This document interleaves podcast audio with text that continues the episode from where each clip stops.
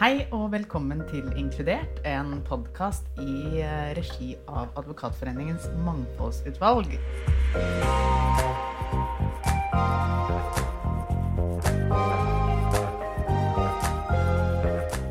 Jeg er her med Heidi Jorkjenn, eh, og eh, jeg heter da Kristine Hasle, og vi er medlemmer av Mangfoldsutvalget. Og i dag har vi fått besøk av Susanne Munch-Tore her i studio. Hei, Susanne. Hei. Hei. Vi er veldig glade for at du kunne komme hit i dag. Ja, takk for at jeg får komme. Jeg er jo beæret. Takk. Susanne er jo um, jeg vil si en pioner i, i, uh, i, i advokatbransjen. Uh, hun var første kvinnelige partner i Vikborg-Rein i 1993. Uh, og um, også første kvinnelige toppleder i et stort advokatfirma. Har vært MP i Vikborg-Rein. Eh, du har også hatt omfattende styreerfaring, og i dag er du partner i Arntzen Beige. Det vi håper å oppnå med Inkludert, er jo at vi kan vise fram eh, alle de gode forbildene, eller kanskje ikke alle, men mange av de gode forbildene som vi har eh, blant advokatene i dag, og vise litt hvordan det er veldig morsomt å være advokat, og forhåpentligvis inspirere både studenter og, og andre jurister til å ønske seg til advokatyrket. Um, og Susanne, kan ikke du egentlig bare fortelle litt om ja, din vei? Hvorfor valgte du å bli advokat? Hva var det som uh, gjorde at du havnet, uh, havnet der? Uh, ja, det, var, det, å bli advokat var egentlig ingen plan fra min side. Jeg hadde ingen av, advokater i familien. Og, men jeg begynte å studere juss, og så endte jeg fort opp som vitters på, på sjøretten. Og uh, veien mellom sjøretten og uh, en del av advokatfirmaene var veldig kort. Um, så da ble jeg sommerformektig. Og, og, og syntes det var veldig, veldig morsomt. Spennende. og jeg trivdes egentlig mye mer, mer med det enn selve studiene, når jeg tenker meg om. så det å løse de praktiske oppgavene og Mm, ja, øh, jobbe med problemløsning, det syns jeg var kjempegøy. Uh, så da ga det seg selv. Og da snakker vi tidlig 90-tall?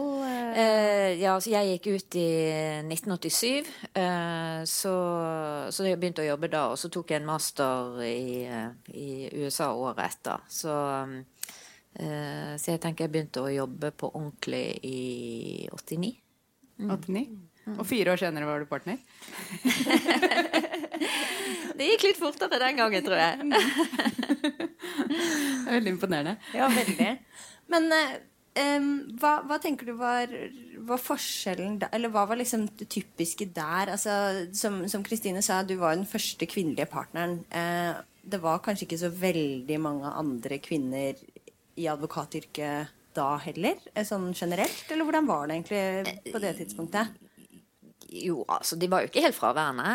Og, eh, og det fantes jo både kvinnelige advokater og, eh, og, og kvinnelige partnere i, de, i, en del andre firmaer. Så jeg, Bjørg Ven, for eksempel, og Else Bugge Fogner og Det var jo flere. Um, jeg er ikke sikker på om jeg tenkte så mye på det jeg tror ikke jeg tenkte så innmari mye på det, fordi at uh, uh, Det er noe med at du bygger, bygger bro og bygger bånd til, uh, til, de som er samtidige med deg, og og så lenge du trives med det, så ja, i det hele tatt, Jeg tenkte ikke så innmari mye på det til å begynne med. Du sa jo du, begynte med sjørett, og så har du jo egentlig endt opp som mer eh, M&A og børs. Kan du si litt om valg av retning sånn fagmessig? Eh, ja, altså det, det begynte uh, I Vikborg Rein så var det mye sjørett, og jeg tror de aller fleste begynte der, faktisk. Um, og så var jeg heldig med å jobbe med noen shippingselskaper som uh, et blant annet som uh, var utenlands som gikk på børs. Og uh, det syns jeg også var veldig spennende. Vi jobber med selskapsrett og, og børsjus. Og så uh,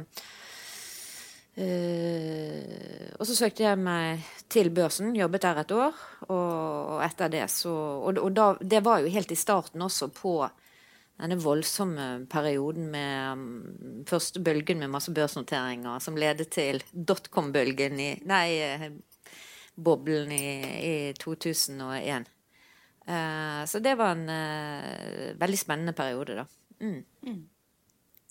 Og da, ja, hvordan var, Kan du fortelle litt om hvordan eh, advokatverden eh, så ut da? Hvordan var, altså Vikborg-Rein er jo i dag eh, et stort firma, du jobber jo i Arntzen Berg som er et stort firma i dag. Men hvordan var advokatmarkedet da? Var det eh, var det på en måte det, det, jeg skal frem til, er vel kanskje liksom hva eh, er forskjellen på på det med spesialisering og det hvordan hvordan Ja, altså det med jobbet. spesialisering begynte jo da. Uh, så det var um, Og man begynte med sånne faggrupper og sånn. Det var nok litt sånn at de yngre måtte spesialisere seg litt mer, og de eldre eh, jobbet sånn som de alltid hadde gjort. og den voldsomme veksten begynte jo også da på, på 90-tallet. så Ehm, så det var i den perioden hvor de store advokatfirmaene ble store. Eh, det var en veldig sånn optimistisk og spennende eh, periode. Og ehm, eh, god teamfølelse og kjekt å være med på. Og, og det speilte jo også det norske næringslivet, ikke sant, som var veldig utadrettet og, og, og um, uh, jussen var på en måte Du følte at du, at du, var med på å At du gjorde en, en uh, verdifull jobb i, uh, i, næringslivet ved å være med på den utviklingen som, som skjedde i forhold til å legge rammebetingelsene til rette, f.eks. For i forbindelse med, med verdipapirjussen. Og, og, og, og, jobbe med det regelverket. Så Nei, det var en, eh, var en spennende, fin periode, det, altså. Mm. Så, og de store um, advokatfirmaene ble jo mer og mer profesjonaliserte. Og selvfølgelig så så du begynnelsen på mange av de uh, utfordringene som man kanskje diskuterer nå, da. Um, og, og, de dilemmaene.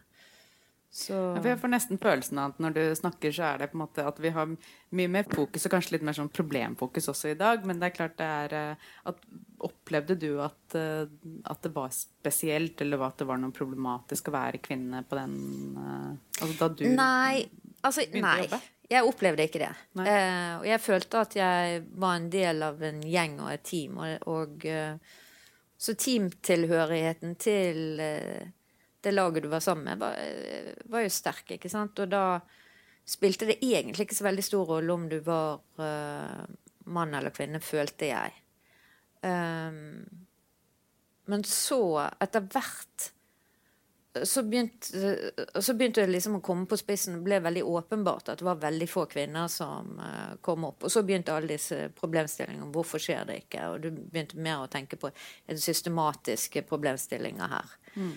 Men jeg tror at eh, Jeg tror at mange av vi som ble partnere den gangen av, eh, av kvinner, følte at vi ble eh, godt mottatt og og, og ble på en måte invitert inn i laget på en god måte. Um,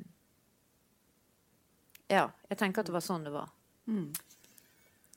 Men har du noen tanker på hvorfor utviklingen har gått som den har gått? da? Altså, sånn som ja, ikke sant. Så, så etter hvert så tror jeg at disse problemstillingene om uh, det at firmaene ble mer og mer uh, fokusert på inntjening og for, for businessaspektet av det det, det fremtvang nye, nye krav til partnerskapet, og mer med systematisk evaluering og mye mer systematikk i forhold til hvem man tok opp som partnere. Og mye mer tydeliggjøring av eh, inntjening på den enkelte. Og det er nok Der ligger nok litt av kjernen for, uh, tenker jeg, for hva det er som gjør at det har vært oppfattet som vanskelig for kvinner å, bli tatt opp som partner. Fordi at øh, man er usikker på om man klarer å nå de øh, målene. Og så ja, så det, jeg tenker at det, det, er et sted å begynne i forhold til den øh, problemstillingen. Ja, og det tenker jeg sikkert er veldig riktig. Og bare fra egen erfaring kan jo huske det at det var litt mystisk, og hva skal egentlig til, og det virker litt uoppnåelig. Ja. Men, men, du, hva, hva tenker du er det Altså Fra mitt perspektiv nå så er det jo ikke noen grunn til at kvinner ikke skal klare det på lik linje som menn. Hva tenker du er det sentrale, egentlig? Å... Nei, altså jeg tenker at kvinner har veldig god forutsetning for å lykkes uh, som advokater. Uh, i den grad man liksom kan uh, si at det er karaktertrekk som tilkommer Som er kjønnsbaserte, så tenker jeg at uh, det er ikke noen spesielle ting som er noen ulempe. Tvert imot. Um, og uh, mange kvinner er opptatt av personen på andre siden og god dialog. og engasjement.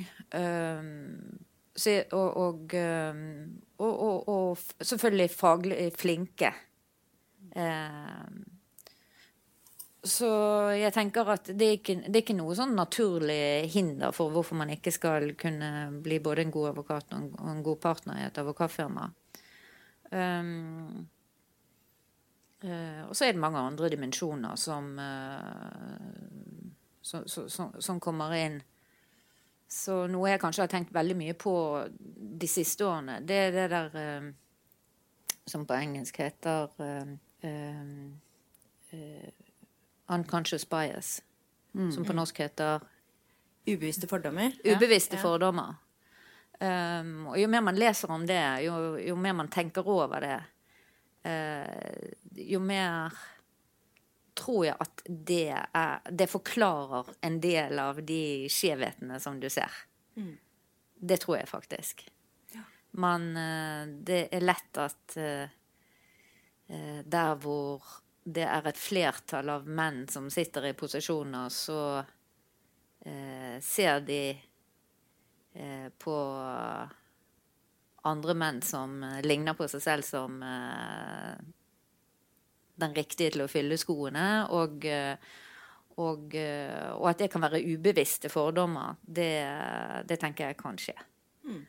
Um, og Derfor tenker jeg også at det er veldig viktig å få en kritisk masse med kvinnelige mm, partnere opp i advokatfirmaene.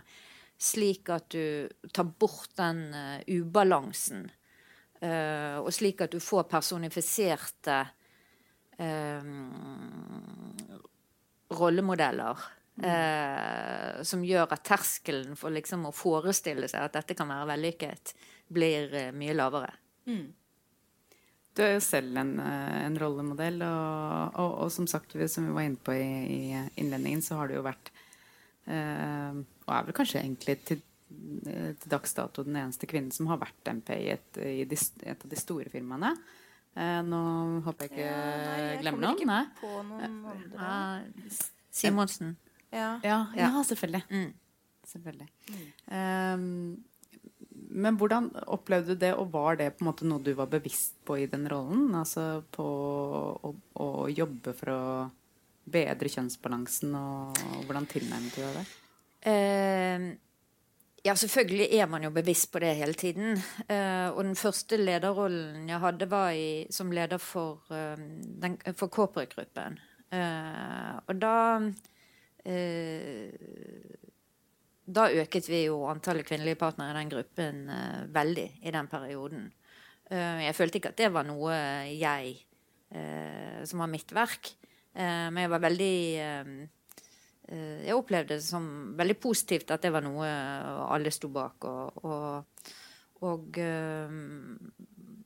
så da gikk vi vel fra jeg tror tre til seks kvinnelige partnere i den gruppen i løpet av uh, noen år. Mm. Og uh, uh, så, så på, med det bakteppet så tenker jeg at jeg, jeg, så ikke noen hindringer for hvorfor ikke en sånn utvikling skulle kunne fortsette. Men, Men når du er eh, leder, så kan du ikke bare tenke sånn. Eh, du må jo du må tenke helhet, og du må tenke enkeltpersoner, og hvem passer inn eh, her og der. Eh, men min jobb var vel kanskje i forhold til meg selv å passe på at jeg ikke fikk altfor mye unconscious bias. da. Og, eh, og påpeke det. Men eh, jeg må si kanskje at når du ser på hva en, en del svenske firmaer har gjort, som for eksempel eh, Vinge og Cederquist, som begge har kvinnelige MP-er. De har nok vært veldig flinke å sette det på agendaen og få, og få andre med seg. Um, men når du snakker med dem, så sier de det er ikke vi som har satt på agendaen, det er styret. Uh, så jeg tror du trenger på en måte den drahjelpen. Um, det, det, det øverste partnerskapet må også ha en sånn agenda.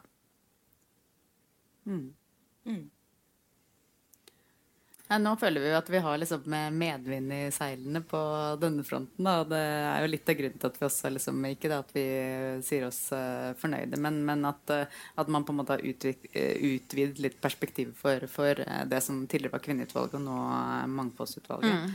Uh, og i anerkjennelse at liksom de, er egentlig mange av de samme eh, eller samme problematikken med unconscious bias også gjelder på, på andre hva skal jeg si, minoriteter, hvis man kan si det i en sånn uh, i sammenheng.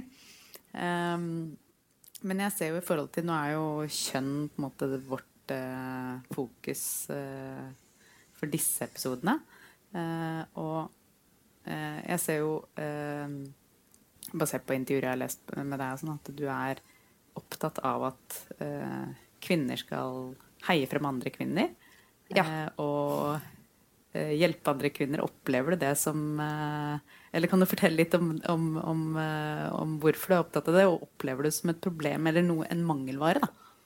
Nei, altså det vet jeg ikke at jeg skal si, men, men eh, Jeg tenker at det er litt dårlig gjort uh, av kvinner å ikke heie på andre kvinner. Eh, og, og, og det å skape entusiasme og, og positivitet knyttet til eh, Det er sikkert på dere to som har blitt partnere nå, og som opplever hvor viktig det er å få den entusiasmen rundt eh, ens, ens egen rolle. Absolutt. Og eh, menn heier på menn, så hvorfor skal ikke kvinner heie på kvinner? Altså, Men er det, sant? mindre, er det mindre rom for at eh, Han er litt så ledende for det. sikkert mange menn som heier på kvinner, og motsatt. Eh, Jeg bare leste på, på Wikipedia at du da i, eh, hadde arrangert et kvinnenettverk eh, på et tidspunkt. Å nei, en, ikke det. eh, en middag eh, fra 2008 i, på Kunstnernes hus. Mm. eh, som, eh, hvor da Manuela Ramin Osmundsen og Ida Hjort Krabi var til stede. Og eh, den middagen fikk eh, mye oppmerksomhet i forbindelse med den eh, såkalte barneombudssaken som da ledde til at eh, Ramin Osmundsen gikk av som barne- og likestillingsminister. Og det fikk meg til å tenke på hva tenk, Tenker du at det er mindre toleranse måte, for kvinnenettverk enn for tilsvarende nettverk for menn? Ja, altså eh, Nå må jeg bare nå, nå tror jeg ikke at noen av de som var på den middagen, følte at det var et nettverk. Bare jeg har sagt det. Okay. Eh, eh, men eh, Vi går ikke inn på den, men eh, at det kanskje er mindre tål... Det er kanskje mer mystifisert, kanskje.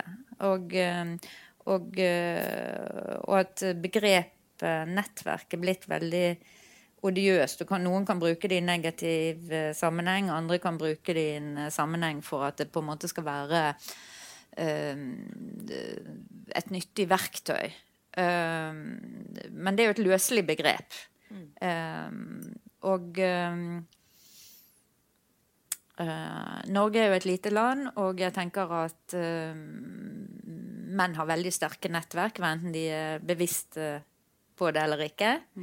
Um, og uh, jeg ser ikke noe galt i at um, kvinner er åpne om at de også har det. Uh, jeg skjønner ikke hvorfor det skal være feil. Um, men så er det kanskje også Men man må kanskje være bevisst på hva for en selv, da. Hva er et nettverk, og hva betyr det for meg? Eh, Det er grenser for hvor mye du på en måte kan trekke veksler på et nettverk også. Det er veldig viktig at man ikke har en kultur som er eh, eh, med lukkede rom. Det er veldig viktig. Og, og det er jo akkurat det som kvinner er opptatt av, at det ikke skal være de lukkede rommene. Men når det er sagt, så tror jeg kanskje at det å ha kontakter på tvers eh, hvor man kan diskutere ting som er eh, eh, viktige for en selv, og hvor man kan lære, og debattfora og sånne ting, det tror jeg eh, det, kan- det kan være en styrke. Um, og jeg skjønner ikke hvorfor ikke kvinner skal kunne ha det like mye som menn. Men samtidig så må det også være nettverk som består av menn. At kvinner har nettverk som også består av menn. Så liksom, jeg syns kanskje at, ikke man, at man skal mystifisere det altfor mye. Nei, så tenker jeg Det har vel vært en utvikling også som sikkert da henger sammen med at kvinner har nettopp vært i flertall, og kanskje sånn sett ikke hatt alle disse mer eh, uformelle nettverkene som bare ligger der. Så har man sett mer behov for mer sånn eksplisitte kvinnegrupper i firmaer og sånne ting, som da kanskje Ja. fremstår eh, mer lukket. Men det egentlig er da mer at det er ikke så mange kvinner, så du er nødt til å på en måte få ja, skape litt relasjoner på tvers, da. Um, Ja, og jeg, jeg tenker at det er eh, Kan være berikende. Uh, og eh, uh, noen ganger og, og, og kjekt å føle at man uh, kanskje kan dele erfaringer. Kanskje til nytte for seg selv, og kanskje til nytte for andre. Um, men å bruke det som trappetrinn for å også komme seg oppover på en karrierestig og sånne ting, det er ikke det jeg tenker på.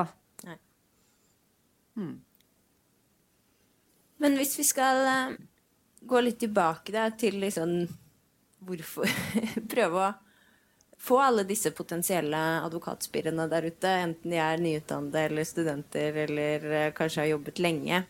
Hva syns du har vært det morsomste og det beste med å være advokat?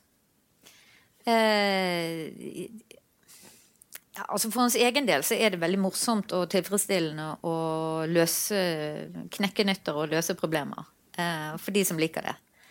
Og i en videre sammenheng, når du, eh, når du eh, ser eh, over, over en tid, så er det veldig inspirerende og morsomt å vite at du er med i en uh, samfunnsutvikling og folk som jobber som forretningsadvokater i et, i, et næringsliv, og at du kan uh, uh, At du er en del av det. at du, altså Vår rolle som advokat er jo å profesjonalisere næringsliv, kan du på en måte si. Og, og, og det å ha en rolle i, i det hjulet er tilfredsstillende, tenker jeg. Og så, har vi muligheter til å ikke bare jobbe med det snevre eh, feltet man eh, jobber med til, eh, til daglig, men eh, eh, kan engasjere seg på ulike måter, sånn som dere gjør i Advokatforeningen. Jeg har også hatt veldig glede av å jobbe i Advokatforeningen, må jeg få lov å si. Um, og, eller, eller bidra eh, på ulike måter inn. Og, eh, og i styreverv og, og også i interne posisjoner i, eh, i, i et advokatfirma. Det, veldig, det, det å kunne ha så mange roller og at det er så mange muligheter for å eh, oppfylle øh, for, forskjellige interesser man har. Det ser jeg som positivt. For meg har det vært viktig. viktig. Og at du får utløp for engasjementet. Og det tror jeg kanskje at veldig mange eh, som blir jurister og advokater føler på at eh, i bunn og grunn så var det kanskje et samfunnsengasjement som lå der, som gjorde at man startet på den veien til å begynne med. Der kjenner jeg dere kanskje igjen. Ja, absolutt. Og jeg synes det, er veldig, det, det er veldig viktig å minne seg på det der at man er en del av ikke sant? Når man jobber i et forretningsadvokatfirma, så er man en del av, av næringslivet. Og som vi andre gjester vi har hatt her, som, det er ingen som har som forretningsidé å kjøpe juridiske tjenester. Vi er på en måte en del av, av det, og det syns jeg i hvert fall er det morsomste med jobben. Uh, og selvsagt i uh, også kunne være med å, å skape entusiasme rundt rollene og få liksom mer uh, Få flere eh, personlighetstyper inn, da, synes jeg. Og det er det jo absolutt rom for også i de store filmene hvor vi er såpass mange. Så får man jo lov til å lære så mye. ikke sant? men jobbe med disse klientene som driver med sitt og driver en forretning. Eh, som vi selvfølgelig gjør, men ikke sant? man får lov til å komme inn og lære om deres eh, virksomhetsområder. Og skjønne hvordan de driver business, hva som er viktig for dem. Eh, så må man jo selvfølgelig da ta det i betraktning når man gir sine råd. ikke sant? Og så det samspillet. Og jeg syns jo det er, eh, det er det som er det morsomme. Helt enig. Og Takk for at du påpekte det. Selvfølgelig.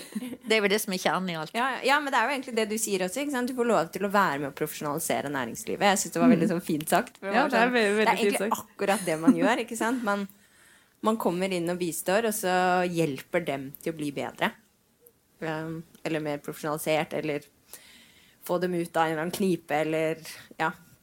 Jeg syns det, eh, det er veldig gøy å mm. Og så syns jo jeg, da, som da eh, har jo vært i, i bransjen en del år nå, men eh, fersk partner, ikke sant. Jeg syns jo det er utrolig gøy og inspirerende å se på dere som da har vært der i mange år og fått ja, det til. Og jeg bare tenker sånn det, så det er veldig viktig. Jeg, jeg, jeg, jeg tror ikke jeg har vært så bevisst på det før, men, eh, men det er faktisk innmari viktig med de forbildene. At du kan se noen som ligner litt på deg selv. Og hva tenker dere om å være forbilder selv nå, da? Nei, jeg tenker jo, altså Akkurat det har jeg vært eh, bevisst på. For vi har jo eh, I Wiersholm så har vi hatt litt Nå har vi ganske mange sånn pluss-minus eh, 40. Eh, det blir jo litt mindre sant hver gang jeg sier det, men eh, Men eh, pluss-minus med noen år, eh, årsintervaller. Um, eh, men bortsett fra det, så er det litt mer spredt. Eh, og så er det jo egentlig også liksom ned altså, Jeg tror nok Og det har jeg tenkt litt på hvordan det der er eh, i forhold til for eksempel i, I din generasjon så har det jo egentlig vært ganske mange i de store firmaene. Altså Hvis man ser på de som har også blitt. Og jeg tenker at eh, det som kjennetegner den generasjonen og egentlig min generasjon, er to veldig sterke markeder også. Eh, hvor du hadde dotcom-boblen i midten. Hvor du egentlig får en sånn derre Du får en pause i markedet. Du, og det gjelder de som gikk ut fem år eh, før meg. ikke sant? Det begynte jo veldig tregt for dem i arbeidslivet fordi alt var så sto så stille. Um, så Men jeg tror det er viktig, og det, da fikk man, tror jeg, i advokatmarkedet et sånt gap. Hvor spesielt kanskje mange kvinner var fraværende. Um, så jeg tror det er viktig nå at man eh, at man har mer rollemodeller og, for de yngre hos oss å identifisere seg med, som har ansvar for barn, og som på en måte står i det samme som, som de gjør. Da. For det er jo noe med å liksom se seg selv i andre. Enig. Ja, så tenker jeg for min egen del var det utrolig viktig at jeg hadde en, en leder som da mm, tilfeldigvis, eller også kanskje har noe å si, var en kvinne. Men som også var veldig tydelig på at uh, dette får du til hvis du vil. Så, så er det Og det er jo ikke sånn at man får noen garanti at liksom du skal bli partner, og det er liksom gitt. Men, men bare den der at dette får jo du til. Og det å høre det liksom med sånn jevne mellomrom, og at man da får en sånn form for Ja, men dette kan jo jeg få til. Dette går jo fint. Og så selvfølgelig så er det mange tilfeldigheter og ting som spiller inn underveis. Det kan være at man finner ut at annen, en annen vei er bedre for den selv, eller sånne type ting. Men, men det der å tenke at sånn Ja, men dette kan jo jeg. Hvis jeg vil. Det, det du sier der, er kjempeviktig. Og, eh, og jeg, tror at eh, hvis man liksom skal gi et råd, jeg vet ikke om dere er enig i det, til yngre, så er det å se på mulighetene og ikke på nedsidene. Og ikke, altså Hvis man ser seg blind på altså Hadde noen drevet med skihopping hvis du hadde liksom eh, bare tenkt på alt som kunne gå galt? Altså Jeg blir jo, må jo lukke øynene hver gang jeg ser det på TV. Sant? Altså, det, det er jo ikke sånn det er. Man må jo se på mulighetene.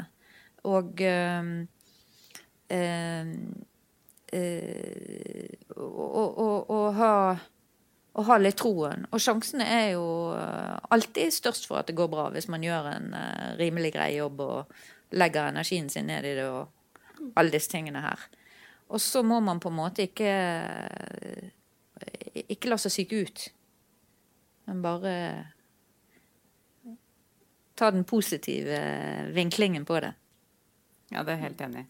Det er, eh, det er eh, kjempeviktig. Jeg tenker at eh, jeg sier alltid at jeg har hatt jobbet i visjom i 15 år og hatt barn i 12 av dem. Og det er på en måte, jeg vet ikke hvordan det er å jobbe i visjom uten å ha barn. Det er liksom, har aldri vært noe problematikk. Det er mm. Men det, og det er på en måte en sånn ting som man har mange tanker om på forhånd, men som løser seg når man står i det. Mm. Ja, ikke sant? Og da er det jo sånn som du sier, se mulighetene. Ikke ta sorgene på forskudd og tenk at dette ikke går. Eh, prøv, det i hvert fall. Uh, jeg opplever også at det Ja, det kan være hektisk til tider, men det hadde det vært uansett. Og det er uh, veldig privilegert å få lov til å jobbe med noe man syns er så gøy. Mm. Um, og liksom ikke da tenke at det ikke går fordi man også ønsket seg barn. Det Ja. Det er litt lite tilfredsstillende. Enig. Ja. Veldig bra. Veldig tror, bra. Utrolig hyggelig å ha deg her, Susanne. Jeg syns det er mm. utrolig spennende og inspirerende å høre på. Eh, Takk. Jeg blir jo inspirert av dere. Tusen takk for at du kom. Så um, avslutter vi herfra fra Inkludert. Podkast fra Mangfoldsutvalget i Advokatforeningen.